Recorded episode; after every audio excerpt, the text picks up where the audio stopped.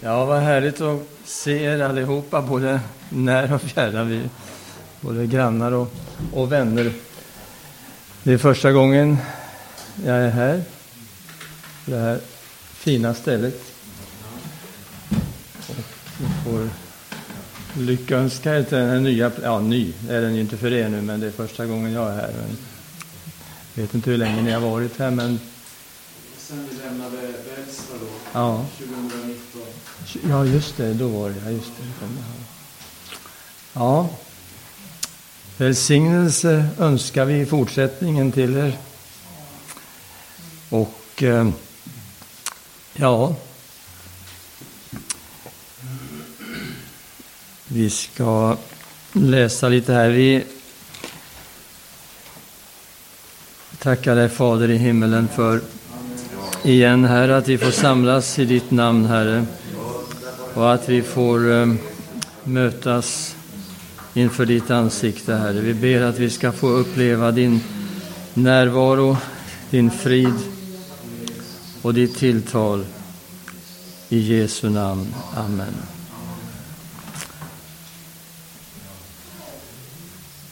Ja, vi lever ju i en annorlunda och orolig tid. Och eh, det påverkar ju oss på olika sätt. Men eh, vi ska då försöka rikta blicken mot Herren som är med i alla olika skiftande lägen. Och eh, tryggheten är ju att vi är pånyttfödda, att vi är nya skapelser, att vi är Guds barn. Mitt ibland ett vrångt och avokt släkte, som det står. Så har vi tagit emot Kristi nåd, förbarmande. Och vi har fått blivit renade i hans blod. Uttagna ur världen, en skara. Jag tror det är viktigt att eh, trycka på den sidan av vårt kristna liv, att vi just är en utvald skara. Vi vet att Guds plan för världen, för länderna, för folken går i fullbordan och han talar nu som han gjorde förut genom sitt folk och genom sina profeter om hur det ska bli. Han gör intet utan att uppenbara det för sina tjänare profeterna. Eh, så var det i Gamla testamentets tid och när de olika händelseutvecklingarna skedde då så fanns det ju orsaker till att det blev på det ena och det andra sättet. Eh, man hade fått Guds bud, man, skulle, man hade kommit till det utlovade landet, man skulle inte ta de främmande folkens seder till sig och handla på det sättet. Men så gjorde man det och man avföll. Och så blev det konsekvenser utav det, det livet. Gång på gång så blev man korrigerade på olika sätt. Gud grep in. Och det här talades om då långt i förväg genom profeterna. Som ni vet, bibelläsare som ni är, så känner ni till det här. Men Gud är ju densamme och, och vi människor är de samma också nu. Det är ingen, ingen skillnad mer än i några yttre detaljer och utvecklingen på olika sätt. Eh, så, men när vi lever i Guds gemenskap så kan vi få, för det första får vi en trygghet, men vi får också en klarhet och ljus över varför saker och ting är som de är. I vissa fall så behöver vi ingen speciell extra upplysning, för vi förstår ju, vi ser ju, eftersom det är som det är i tiden, eftersom folken går längre och längre ifrån Gud, så griper Gud in på olika sätt för att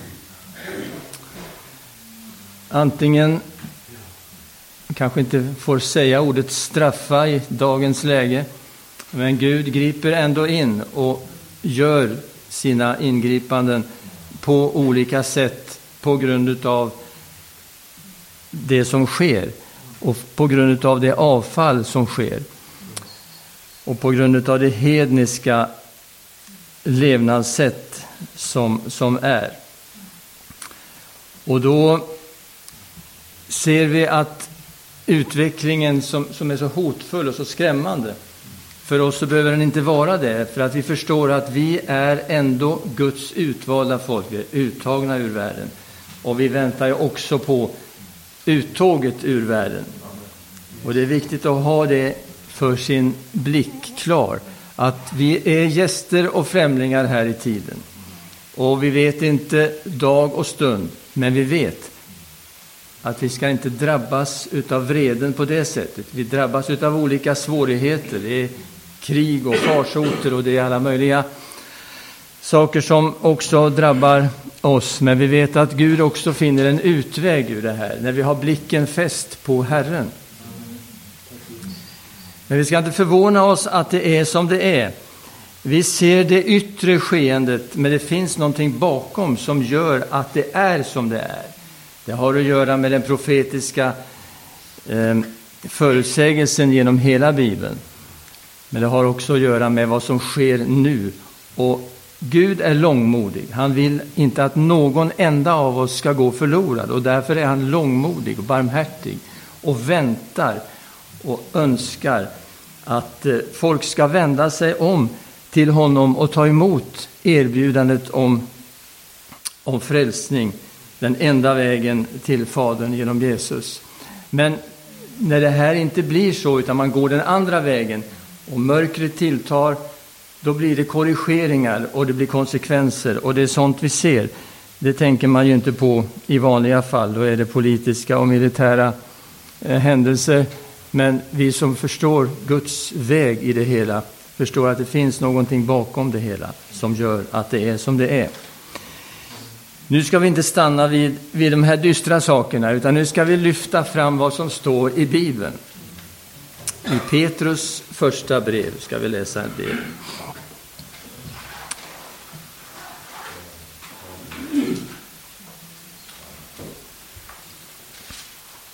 Vad vi är i Kristus. Första kapitlet i första Petrus brev. Ni är av Gud Fadern förutbestämda till att helgas genom Anden så att ni lyder och blir bestänkta med Jesu Kristi blod. Må nåd och frid i allt rikligare mått komma er till del. Det är blodet på korset som han har berett frid igenom. Vi vet hur det var i Gamla testamentet. Guds folk som eh, hade tabernaklet när man var i öknen. Prästen som gick in i det allra heligaste en gång per år för sin egen skull och för folkets skull. Och man upplevde en, en eh, förut en försmak av vad som skulle komma i Kristus. Men allt sammans pekade på att det var Jesus som skulle komma. Han gick in i det allra heligaste med sitt eget blod. Inte en gång per år, inte gång på gång, inte som en gärning som skulle göras en efter en, utan fullbordat verket en gång för alla och gjorde att vägen öppnades in. Förut var det stängt. När Jesus gav upp andan på korset, då rämnade förlåten i templet. Och så öppnades den, den symboliska händelsen här, visade vad som hände i den eviga världen. För han gick inte in i det templet som var då, han gick in i själva himlen inför Gud med sitt eget blod och vann en evig förlossning. Låt oss eh, låta det här sjunka in i våra tankar, i våra hjärtan. Så att vi liksom lyfts upp ifrån allt som kan trycka ner. Skulden, fördömelsen, anklagelsen, samvetet. Nej, han har köpt oss fria och han har offrat sig själv för att vi skulle få vara fria och lösta och få vandra i frihet med honom, i glädje och i salighet. Bestänkta med Jesu blod. Prisat vare Herrens namn. Det är vad som har hänt med dig och mig. Vi är friköpta och vi är frälsta och vi står på den fasta grunden. Vi var döda genom synder och överträdelser. Vi tänker kanske inte på det, men vi lever ju, alla, alla människor som, som, som är här på jorden och går omkring lever ju. Men ur andlig synpunkt så lever inte alla, utan man är döda i synder och överträdelser. Därför att man inte har blivit pånyttfödd. Men det är det som sker genom tron på Jesus. Vi blir födda på nytt till ett levande hopp. Och så är vi de nya skapelserna, födda för att aldrig dö. Den som tror på mig, han ska aldrig dö, sa Jesus. Och det menas ju då den andliga sidan. Välsignad är vår Herre Jesu Kristi Gud och Fader. I sin stora barmhärtighet har han genom Jesu Kristi uppståndelse från de döda fött oss på nytt. Till ett arv som aldrig kan förstöras, fläckas eller vissna och som är förvarat åt er i himlen. Ja, prisat vare Herrens namn. Han har fött oss på nytt, som vi sa här nyss, till ett levande hopp och till ett arv som aldrig kan förstöras, fläckas eller vissna. Och var är det någonstans? Jo, det är förvarat åt oss i himlen. Prisat vare Herrens namn. Där är det förvarat åt oss. Han har köpt oss fria, han har fött oss på nytt. Och Jesus var den första som uppstod ifrån de döda. Han uppstod, den första som uppstod ifrån de döda. Och han har fött oss på nytt till ett levande hopp. I den första kristna tiden så sägs det ju att man hälsade med eh, de här orden, Herren är uppstånden. Och man svarade, ja, han är verkligen uppstånden. Det stora som hade skett då, det var ju inte att Jesus hade kommit och vandrat på jorden, det var ju det första stora. Men det allra största, det var det som förnekades, att han återuppstod, att han blev levande jord. Och det var det som, som var det stora, och det är det som är det stora nu. Jesus var inte en historisk person enbart som vandrade här och gjorde väl, gott och hjälpte alla, utan han är den levande frälsaren som idag sitter på Faderns högra sida och är vår förespråkare. Prisat vare Herrens namn. Det är ingen annan som är det. Inga helgon, så, så kallade. Helgon är vi ju allihopa, vi är helgade genom Jesus. Utan det är Jesus som är vår förespråkare. Det är han som är den som har burit allt för oss och det är han som är på tronen. Och det här kan aldrig förstöras. Med Guds makt blir ni genom tron bevarade till den frälsning som finns beredd och ska uppenbaras i den sista tiden. Eh, gläd er därför nu, ja, glädjen i Herren. Eh, det finns ju mycket som kan eh, glädja oss här på jorden, liksom det är mycket som kan bedröva oss också. Men ordet uppmanar oss att glädja oss i Herren. Och glädjen kan ju ta sig vilka uttryck som helst kan man säga. Den är ju inte, det är inte så att man, man övar in en glädje, så här ska vi göra när vi gläder oss. Utan vi, vi gläder oss därför att vi blir fyllda av den här överjordiska välsignelsen som vi har genom vissheten att våra synder är förlåtna. Vi är friköpta ifrån världen. Vi har ett evigt arv som väntar. Det är den glädjen som ger oss de, som ger oss de olika uttryckssätten. Och det kanske jag trycker på av den anledningen att det finns ju sån här inövad glädje, inövad lovprisning, inövad lovsång, inövade saker. Uppvisning kan man också tänka att det kan bli när det inte är det här spontana, äkta. Och det kan vi skilja på. För den glädje som Gud ger, den kan vara stillsam, den kan vara högljudd, den kan vara livlig, den kan vara på olika sätt. Men glädjen, den är inte inövad och den är ingen uppvisning på något sätt. Det kanske man inte tänker på, men det är bra att trycka på det. För att Guds verk är någonting som har skett inuti oss. Och om vi inte förstår riktigt det här utan tror att det är bara, det är bara att sätta igång, sätta igång någonting, liksom, så är inte glädjen i Gud. Glädjen i Gud den är det som föds in i våra hjärtan och som spontant visar sig i olika uttryck. Eh, Gläd er därför om ni nu en kort tid måste utstå prövningar av olika slag. Äktheten i er tro är långt värdefullare än guld som är förgängligt fastän det håller provet i eld. Och den tron ska visa sig bli till lov, pris och ära när Jesus Kristus uppenbarar sig. Vi väntar ju på att Jesus ska komma. Vi väntar att vi ska hemförlovas, tas upp ifrån jorden.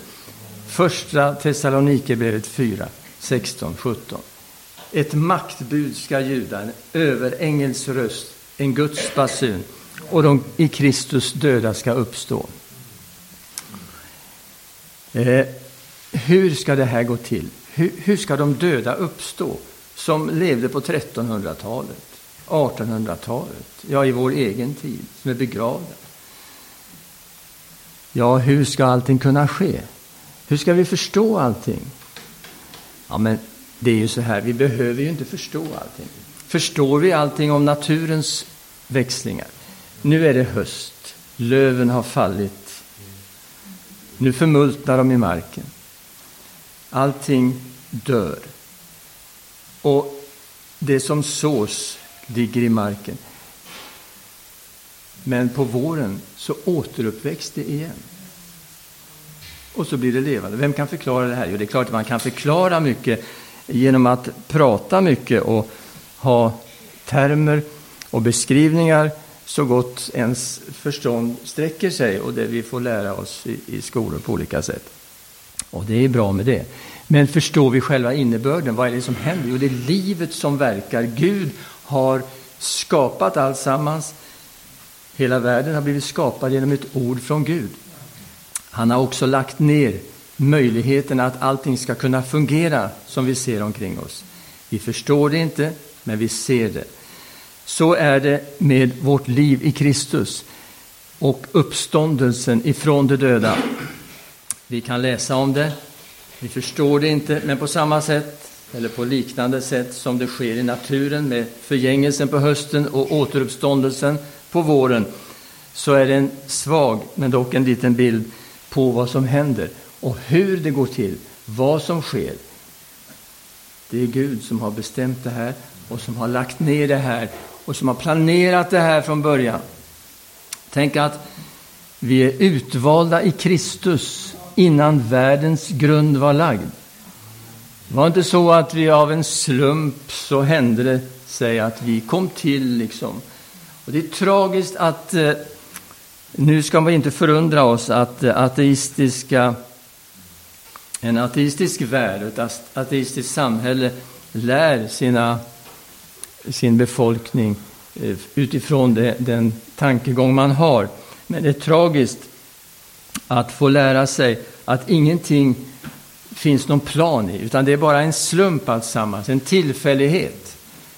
Eh, bara det sunda förnuftet borde säga oss att hur kan det vara möjligt?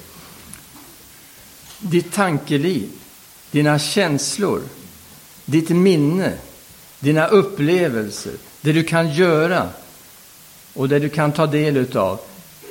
Skulle det vara en slump? Skulle det inte vara någonting i detta? Utan det, bara, ja, det är inte underligt att folk inte orkar med livet om man blir lärd att ingenting är någon mening med på det sättet. Ingenting finns någon plan i, ingenting finns någonting i.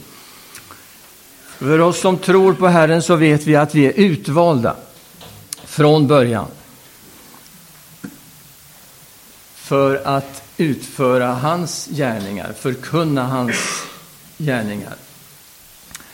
Och det är ingen tillfällighet som sagt var, utan det finns en bestämd plan för var och en. Och det är välsignat att tänka på detta, att du som sitter här, vem du än är, vilken ålder du än har, Guds plan, Guds tanke för dig är god. Och den är att du ska få utföra hans verk här och nu, på det sätt som han har tänkt för just dig. Och det är inte så att det måste alltid vara så väldigt märkvärdigt, jag skrev om det här nyligen, med det som eh, vi utför för Gud. Eh, ibland har man för sig att eh, det måste vara en väldig träning och övning och ja, man ska liksom trimmas för att kunna utföra det som Gud vill. Och visst är det bra med att lära sig saker och ting, men Guds plan för oss, den kan vara storslagen. Vi kan få resa och förkunna för hundratusentals människor, om Gud har kallat oss till det. Vi kan också få gå till grannen, köpa en påse från affären bara för att han eller hon inte orkar gå dit. Den ena tjänsten är som den andra och Guds plan för oss är att vara i hans vilja. Och det är underbart att tänka på det här, att hans ande verkar i oss, hans goda vilja. Eh, vi tänker på Filippus som eh, var där det var verksamhet, det var under och tecken, människor blev frälsta. Så fick han höra genom en ängel att han skulle bege sig till eh, vägen mellan Jerusalem och Gaza. Den är tom på folk, fick han också veta. Då skulle han ju kunna tänka, varför, varför ska jag gå dit? Nej, men det där måste vara fel. Det kan inte vara möjligt. Det, det är nog jag som inbillar mig. Det står inte att han tänkte så, men han skulle ha kunnat tänkt så. Jag skulle kunna tänkt så. Men så var det inte. Utan Gud sände honom dit för att den här hovmannen från Etiopien, han hade vägarna förbi där, eller han var på väg hem. Och så mötte han Filippus och så blev han omvänd och så blev han döpt. Och så blev han ett Guds barn. Därför att någon lyssnade till en ängels budskap som sa du ska gå dit. Det såg hopplöst, omöjligt, onödigt och meningsfullt, meningslöst ut. Men han gjorde som ängeln sa och det blev ett resultat. Och resultaten räknas ju inte i antal alla gånger, utan det räknas en och en. Gud verkar för att hans goda vilja ska ske. Prisat vare Herrens namn. Honom älskar ni, alltså Jesus, utan att ha sett honom. Och fastän ni ännu inte ser honom tror ni på honom och jublar över honom i obeskrivlig himmelsk glädje. Jag önskar att vi ska få uppleva det här och känna i våra hjärtan vad Jesus betyder för oss, vad han har gjort för oss och vad han är. Vi kan läsa bokstäverna i texten och vi förstår vad som har sett, vad, vad vi har läst och vad vi ser. Men bokstaven dödar, ja nu menar jag inte på det viset, men bokstaven, det lagiska och det, det, det dödar. Men anden gör levande. Så vad som händer när vi tar del av Guds ord, när vi läser det och när vi lyssnar till förkunnelsen, det är att den heliga Ande levande gör ordet för oss. Och vad händer när ordet levande görs? Ja, nu är vi tillbaka här. Hur ska vi kunna förklara det? Det finns mycket kunskap, både teologisk och annan, och vi ska inte förakta varken det ena eller det andra. Men vad som övergår allt sånt här som vi kan lära oss, det, ibland kan det smygas in felaktigheter i, i, om det blir för mycket av det här kunnandet och teoretiska tänkandet. Men vad det handlar om det är upplevelsen utav ordets verkan i våra hjärtan, i våra kroppar. Gud helar, Gud löser, Gud fyller med sin kraft. Det är vad som sker när ordet blir levande. Och hur blir det levande? Jo, genom anden. Bokstaven dödar, men anden gör levande. Prisat vare Herrens namn. Det är underbart att veta att det är så här att Gud gör under och han verkar och han gör mer än vad vi kan be eller tänka. Vi lägger fram våra böneämnen. Vi samlas till bönekonferenser. Jag pratar inte om oss just här, men vi, vi människor och vi kristna. Och vi lägger fram eh, saker och ting, och det är riktigt att göra det. Men vad vi rätteligen bör be om, står det i den gamla översättningen, det vet vi inte. Va? Vet ni inte vad ni ska be om? Vad håller ni på med? Jo, men så är det. Det står ju så, då är det ju så. Vi vet inte det. Nej. Men hur ska vi få veta det då?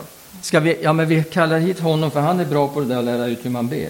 Vilka ord man använder och hur man ska tänka och, och, och vad Gud tar emot för sorts böner. Ja, med all respekt för alla tankar så är det ju inte så att vi kan träna in den, det andliga livet. Utan han manar gott för oss med outsägliga suckar, för han vet vad Anden menar. Bönen är en livsgemenskap med Gud. Det är någonting som pågår. Det kan vara en tanke, Det kan vara en bön på fem timmar när vi ligger på knä. Det kan vara en kort stund. Det, livet i Gud, mina vänner, det är inte en träldom. Det kan bli så mycket kunskap ibland som att det ska, ska, ska, ska. Men jag skulle vilja säga vi får, får, får.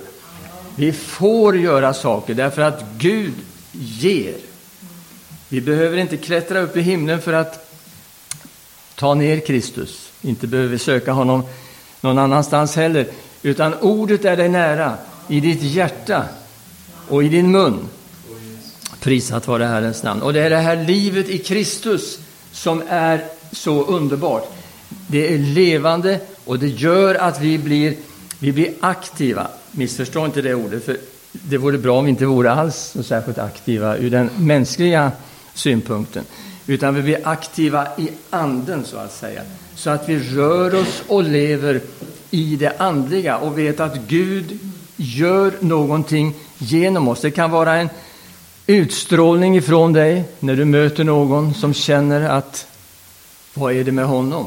Jag känner mig berörd. Vi hörde ju talas om den här mannen, jag tror det var Wigglesworth, som åkte tåg och så, han sa ingenting. Men sen kom, han gick väl ut ett ärende i någon annan kupé och så kom han in igen. Och så hade folket blivit, i kupén blivit överbevisade om synd. Och det var ju det, och det var han. Det är ingenting vi ska efterhärma heller. Vi kan inte härma efter och göra ett system av det levande som sker genom Andens verk. Men det är härligt att se exempel och läsa om människor som har varit verksamma i, i Guds tjänst och där det har skett saker därför att Gud har använt dem. Han användes på det sättet och på många, många andra härliga sätt som vi vet. Men Gud använder dig också och han vill leda dig. Han leder oss där vi går bedjande fram. Inte där vi behöver kämpa och fundera, utan där vi bara är mottagande, mottagare utav det som Gud vill ge oss. Och han är villig och ger utan hårda ord, som det står. Prisat vare Herrens namn. Livet i Gud är ett liv i Anden. Den här frälsningen, står det i tionde versen, var det som profeterna sökte och forskade efter. Det som profeterade om den nåd som ni skulle få. Tänk att där gick profeterna och funderade. Hur, vi har ju upplevt Guds tilltal här. Vi vet att det ska komma en tid här. Undrar när den kommer. Ska vi få vara med om det här? Nej. De höll på och undersökte det här. vilken tid Kristi ande i dem då redan visade på när han förutsade Kristi lidanden och den härlighet som skulle följa. Och det blev uppenbarat för dem att det inte var sig själva utan er det tjänade. Alltså det låg längre fram i tiden från deras perspektiv sett. Gud verkade genom dem och de förstod att det skulle komma senare.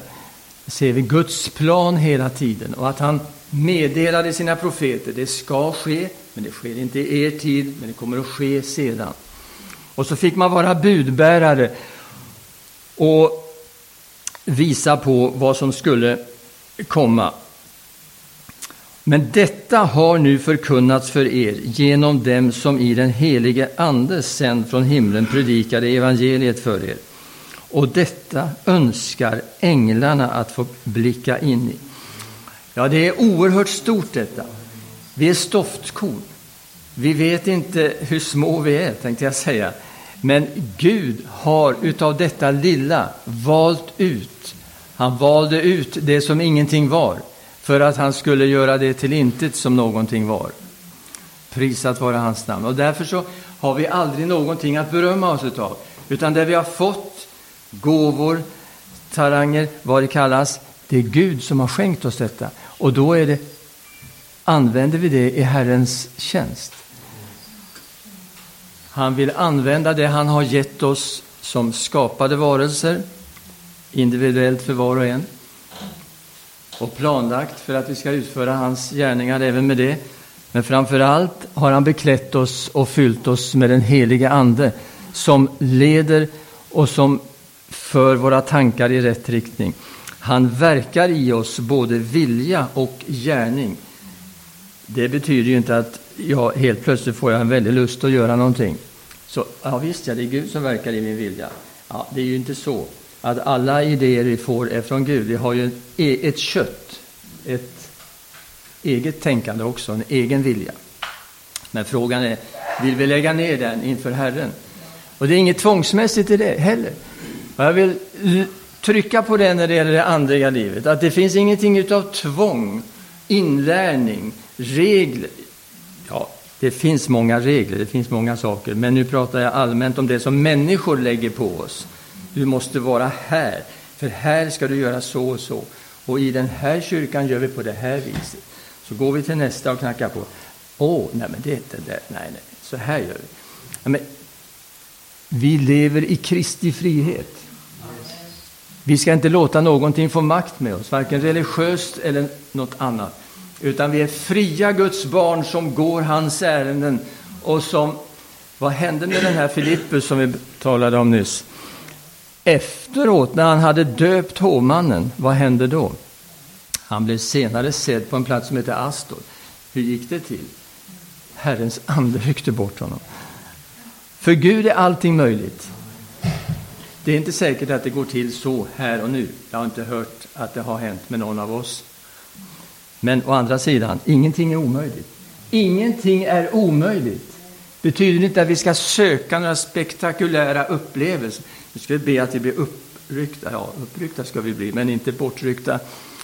Jag har ju en bil här ute som jag tänkte åka hem med, så det behövs ju inte så.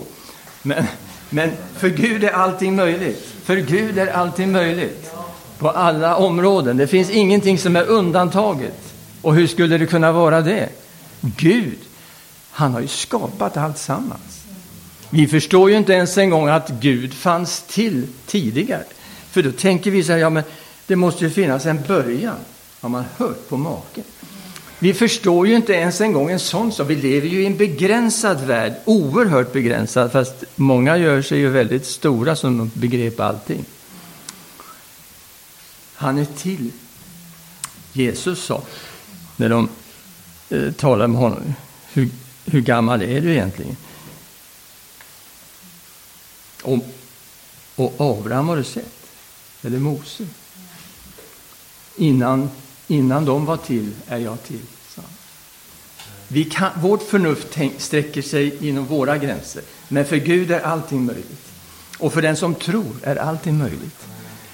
Och då kommer vi in i det här igen, ja men nu ska vi tro, nu ska vi verkligen kämpa så vi tror. Ja, då har vi kommit fel igen. Vi, det är ingenting att ha kämpande med någonting. På våren sen när det grönskar här om Jesus dröjer, då sitter ju inte träden och, och försöker spänna sig på något vis och se om det, om, om det växer ut några löv. Ja, vi vet ju inte hur de känner det. Men de upplever i alla fall att nu kommer knopparna och nu, nu växer löv. Så här är det med vårt andliga liv. Det är ingen spänning, ingen ansträngning, ingenting av egna försök, utan vi lever i Herren och upplever friheten, glädjen, välsignelsen, ledningen och hans gudomliga ingripanden i, dina, i din kropp och i din själ och i din ande. Till läkedom och uppmuntran. Prisat vare Herrens namn. Eh. Sen står det i trettonde versen. Spänn därför bältet om livet och var vakna och sätt ert hopp helt och fullt till den nåd som ska komma er till del när Jesus Kristus uppenbaras. Ja, vi har ju olika önskningar som är naturliga och riktiga. Men vad som är det dominerande och det viktigaste att lyfta fram, det är det här att vi har vårt hopp till nåden. Ibland upplever man ju det så här att ja, men jag, jag misslyckas. Jag skulle vara en bättre människa, jag skulle göra mer för Herren, eller vad det nu är som vi tycker att vi misslyckas med och inte, inte klarar av riktigt. Men det står, sätt ert hopp helt och fullt till nåden. Inte lite grann, ja men du kan ha väl lite av nåden men du måste jobba lite själv också förstår du väl. Ja. Men så står det faktiskt inte, utan helt och fullt till nåden. När vi börjar tänka på, ja men hur är det nu då? Ja, nu, nu får jag kämpa igen. Det, det, det funkar inte riktigt för mig, allting. Nej, jag skulle vilja säga att det är väl ingenting som funkar för någon av oss egentligen, utan det är bara Guds nåd att vi är de vi är överhuvudtaget. Och hans verk i oss, det är nåd. Och därför får vi sätta vårt hopp till nåden när det gäller försoningen. Visst anfäktas vi av olika saker. Men sätt inte ditt hopp till att du ska bli bättre. Du ska öva upp dig så att till slut ska nog bli lite bättre och stabilare och det ska bli ordning med det hela. Ja, det är en bra tanke, men det är fel grund. Sätt ditt hopp till nåden. Det är vad han har gjort i ditt liv. Från början, när du föddes på nytt, när du blev en ny skapelse, prisat vare Herrens namn. Tänk att du är en ny skapelse. Tänk att, vet du vad det står? Ja, det är klart att du vet. Vi är satta med honom i den himmelska världen. Ja. Men det ser vi inte. Men vi är där. Och när Anden gör den bibliska verkligheten levande för oss, då upplever vi fullheten i honom. Eller åtminstone en del av fullheten, för vi kan inte gripa allting kanske. Men Gud vill öppna våra sinnen, öppna våra ögon. Tänk när man var i öknen och ormarna angrep dem. Och så ormen som skulle sättas upp av koppar där. Och då kunde man ju tänka, vad, vad är det för idé med det där? Det är väl ingenting med det. Men så är det här mänskliga tänkandet, ja men det funkar ju inte, det är inte så det går till. Nej, men det förstår du väl själv? Ja, du förstår själv, men själv förstår vi ingenting, skulle jag vilja trycka på. Det var Guds bud. Den som ser på den här kopparormen, han ska bli hjälpt. Och så var det. Det Gud har sagt, så är det. Vad vi har för invändningar, vad vi har för så kallade tolkningar, vad vi har för bortförklaringar, vad än vi har för någonting, så är det värdelöst. Det är ordet som är sanningen och det är ordet som kommer att bestå. Himmel och jord ska förgås, men mina ord ska aldrig förgås, sa Jesus. Prisat vare Herrens namn. Eh, så är det. Så vi vet att vi går mot slutet av den här tidsåldern. Eh, och det kommer att bli det ena efter det andra och vi har ingen fullständig bild av detta, men vi har en tro på att Herren styr allt sammans. Han som skapade allt, som planlade allt, han har också en väg vidare för oss alla. Och det är viktigt att vi har ordet som grunden. För ordet, genom ordet skapade han världen och genom ordet föddes vi på nytt.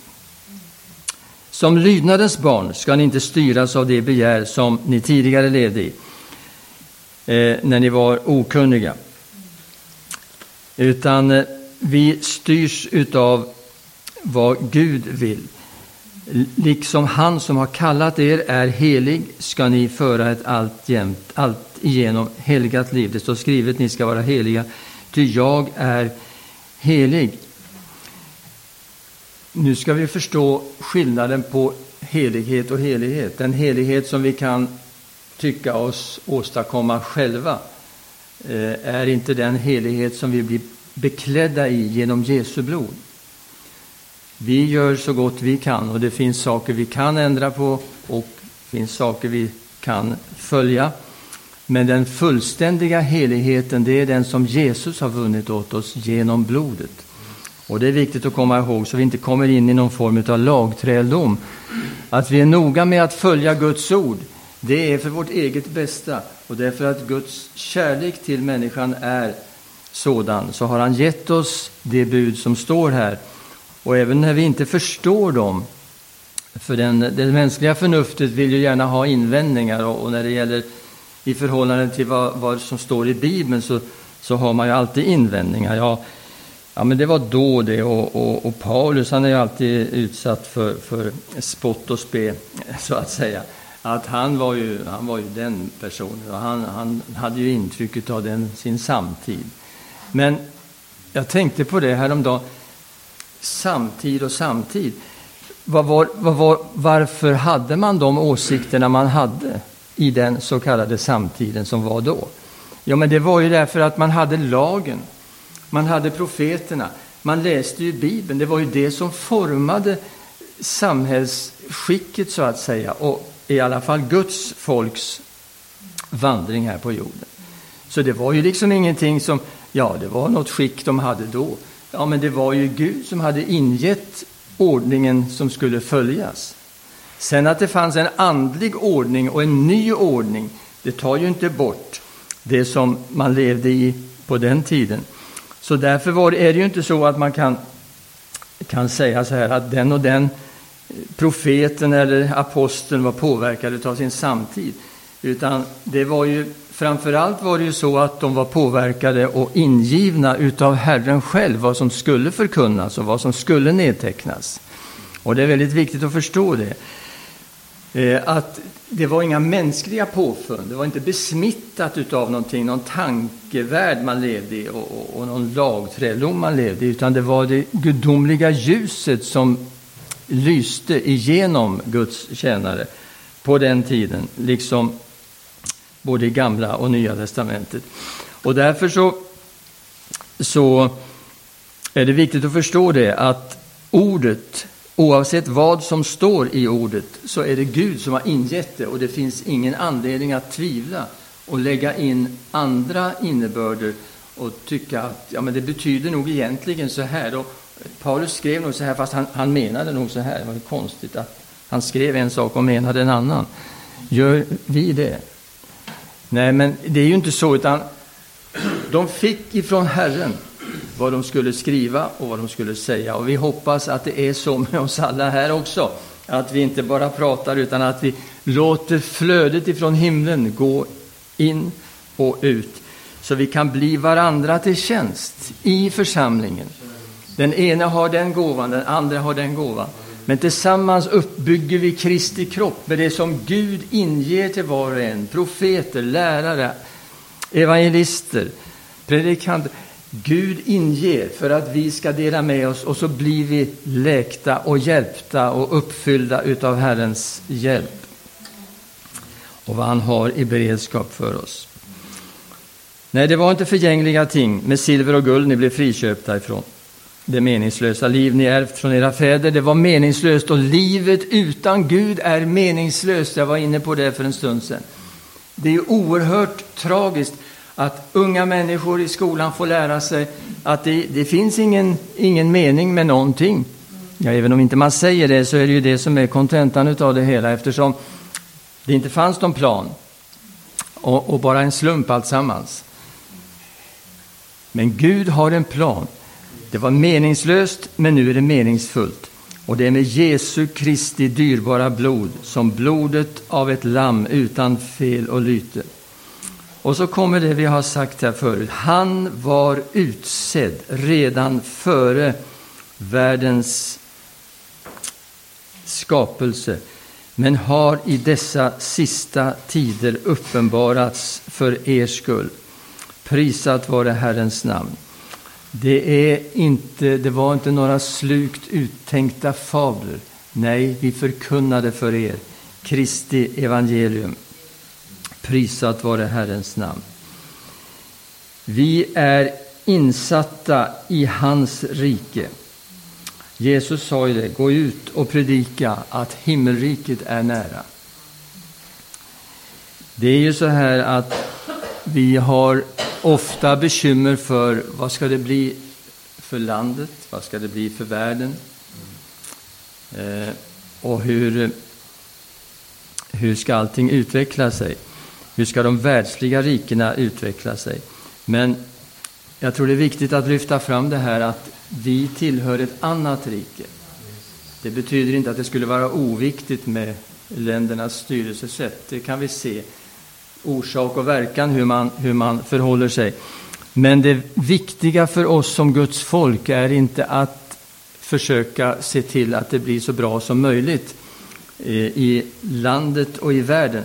Det är i så fall en följd av att det andliga livet pulserar på ett rätt sätt och att det fungerar i församlingen. Det andliga livet, gåvorna, frukterna, alltsammans. För då blir det nog bra med det andra också. Utan fokuseringen för oss det är att Guds rike ska utbredas. Att ordet ska spridas till människorna, att människorna ska födas på nytt. För vad hjälper det, som det står, en människa må vinna hela världen men förlorar sig själv. Vad hjälper det att det blir ett bra samhällsskick som ändå är begränsat? Och det är ingen som blir frälst för att det blir ordning och reda på det sättet. Även om det inte är att förakta. Men jag vill ändå trycka på tyngdpunkten i det vi håller på med. Att det inte är världsförbättrare vi är kallade att bli, utan det är Guds rikes förkunnare. Att vinna människor för Gud, så att man får evigt liv som Gud har kallat oss till. Kallat oss till att få och kallat oss till att tala om för dem som vi har eh, med oss. Eh, jag vet inte hur länge ni håller på, men vi ska inte hålla på så länge till med det här nu i alla fall. Men det står till slut här, ni som genom, som genom honom, genom Jesus, tror på Gud, som uppväckte honom från de döda och gav honom härlighet, så att er tro och ert hopp står till Gud. Ni har renat era själar genom att lyda sanningen.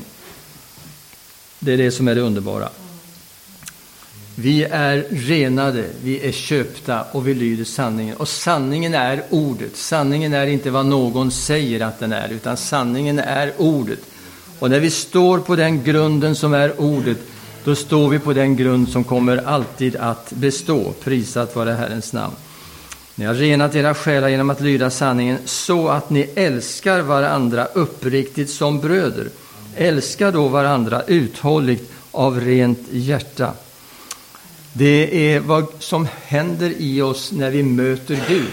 Då känner vi inte, då känner vi att om vi har några misshälligheter, eller vad vi ska kalla det, med någon, så känner vi att Guds kärlek fyller oss.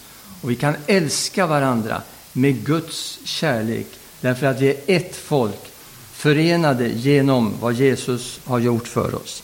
Ni är födda på nytt, inte av en förgänglig säd, utan genom en oförgänglig.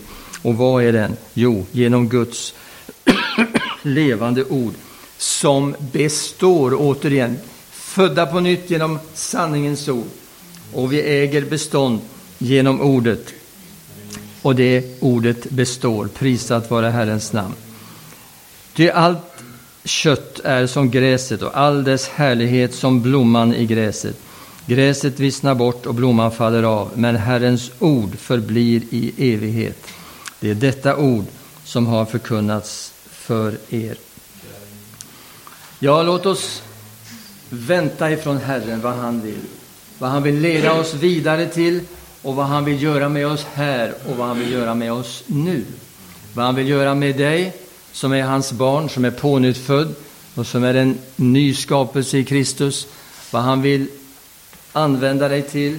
Och kom ihåg, det är ingen prestation ifrån vår sida, utan det är nåd alltsammans att vi är de vi är. Och när Gud verkar genom oss så är det inte vår verkan, utan det är just hans verkan till varandra så att vi får vara de här förmedlarna utav vad Gud vill ge. Och Gud vill ge någonting till dig här och nu. Och Gud vill leda dig i fortsättningen. Han har en plan och han har en väg. Frukta inte. Det är en orolig tid. Men varför skulle vi frukta? Vi tror på honom som har skapat himmelen och skapat jorden, som har fött oss på nytt till ett levande hopp. Vi är hans barn. Låt oss jubla inför hans ansikte. Prisa honom på det sätt som du känner för. Inte i, en, i ett systematiskt lovsjungande, utan i ett hjärtats lovsång till Gud. För han har mer att ge och det finns ingen gräns. Källan ingen botten har, som vi sjunger i någon gammal sång. Det finns mer att få, därför att Gud är rik i nåd över alla dem som åkallar honom. Tänk att det är så enkelt. Åkalla honom och du blir frälst. Åkalla honom och du får möta Eh, möta honom och du får hjälp i det, på det sätt som han vill i ditt liv. Styrka kraft och välsignelse och välbehag. Det finns olika sätt som vi kan uppleva Guds närhet, men helheten är välbehaget i, i hans tjänst. Han vill någonting med ditt liv, han vill någonting med mitt liv, han vill någonting med oss allihopa. Och allesammans är vi i hans kropp, Kristi kropp på jorden. Det är inte ett samfund, det är inte en kyrka, det är inte en byggnad, det är inte en organisation, utan det är de som är födda in i gemenskapen med honom. Prisat vare Herrens namn. Vi tackar dig Herre för den här dagen. Tackar dig för att du har så mycket i beredskap för oss och för att du vill verka igenom var och en av oss på de sätt som du vill, Herre. Och jag ber om din välsignelse över var och en Herre. Att det ska vara både läkedom, befrielse, en lyftning i anden så att vi får uppleva ett riktigt möte med dig, Herre, som griper in till både kropp, själ och ande, Herre. Tack för att du verkar. Tack för att vi är dina barn, Herre. Köpta utifrån världen. Köpta med ditt blod, Herre. Friköpta och fria dina barn, Herre. Låt din kraft verka här i Jesu Kristi namn, Herre. Amen.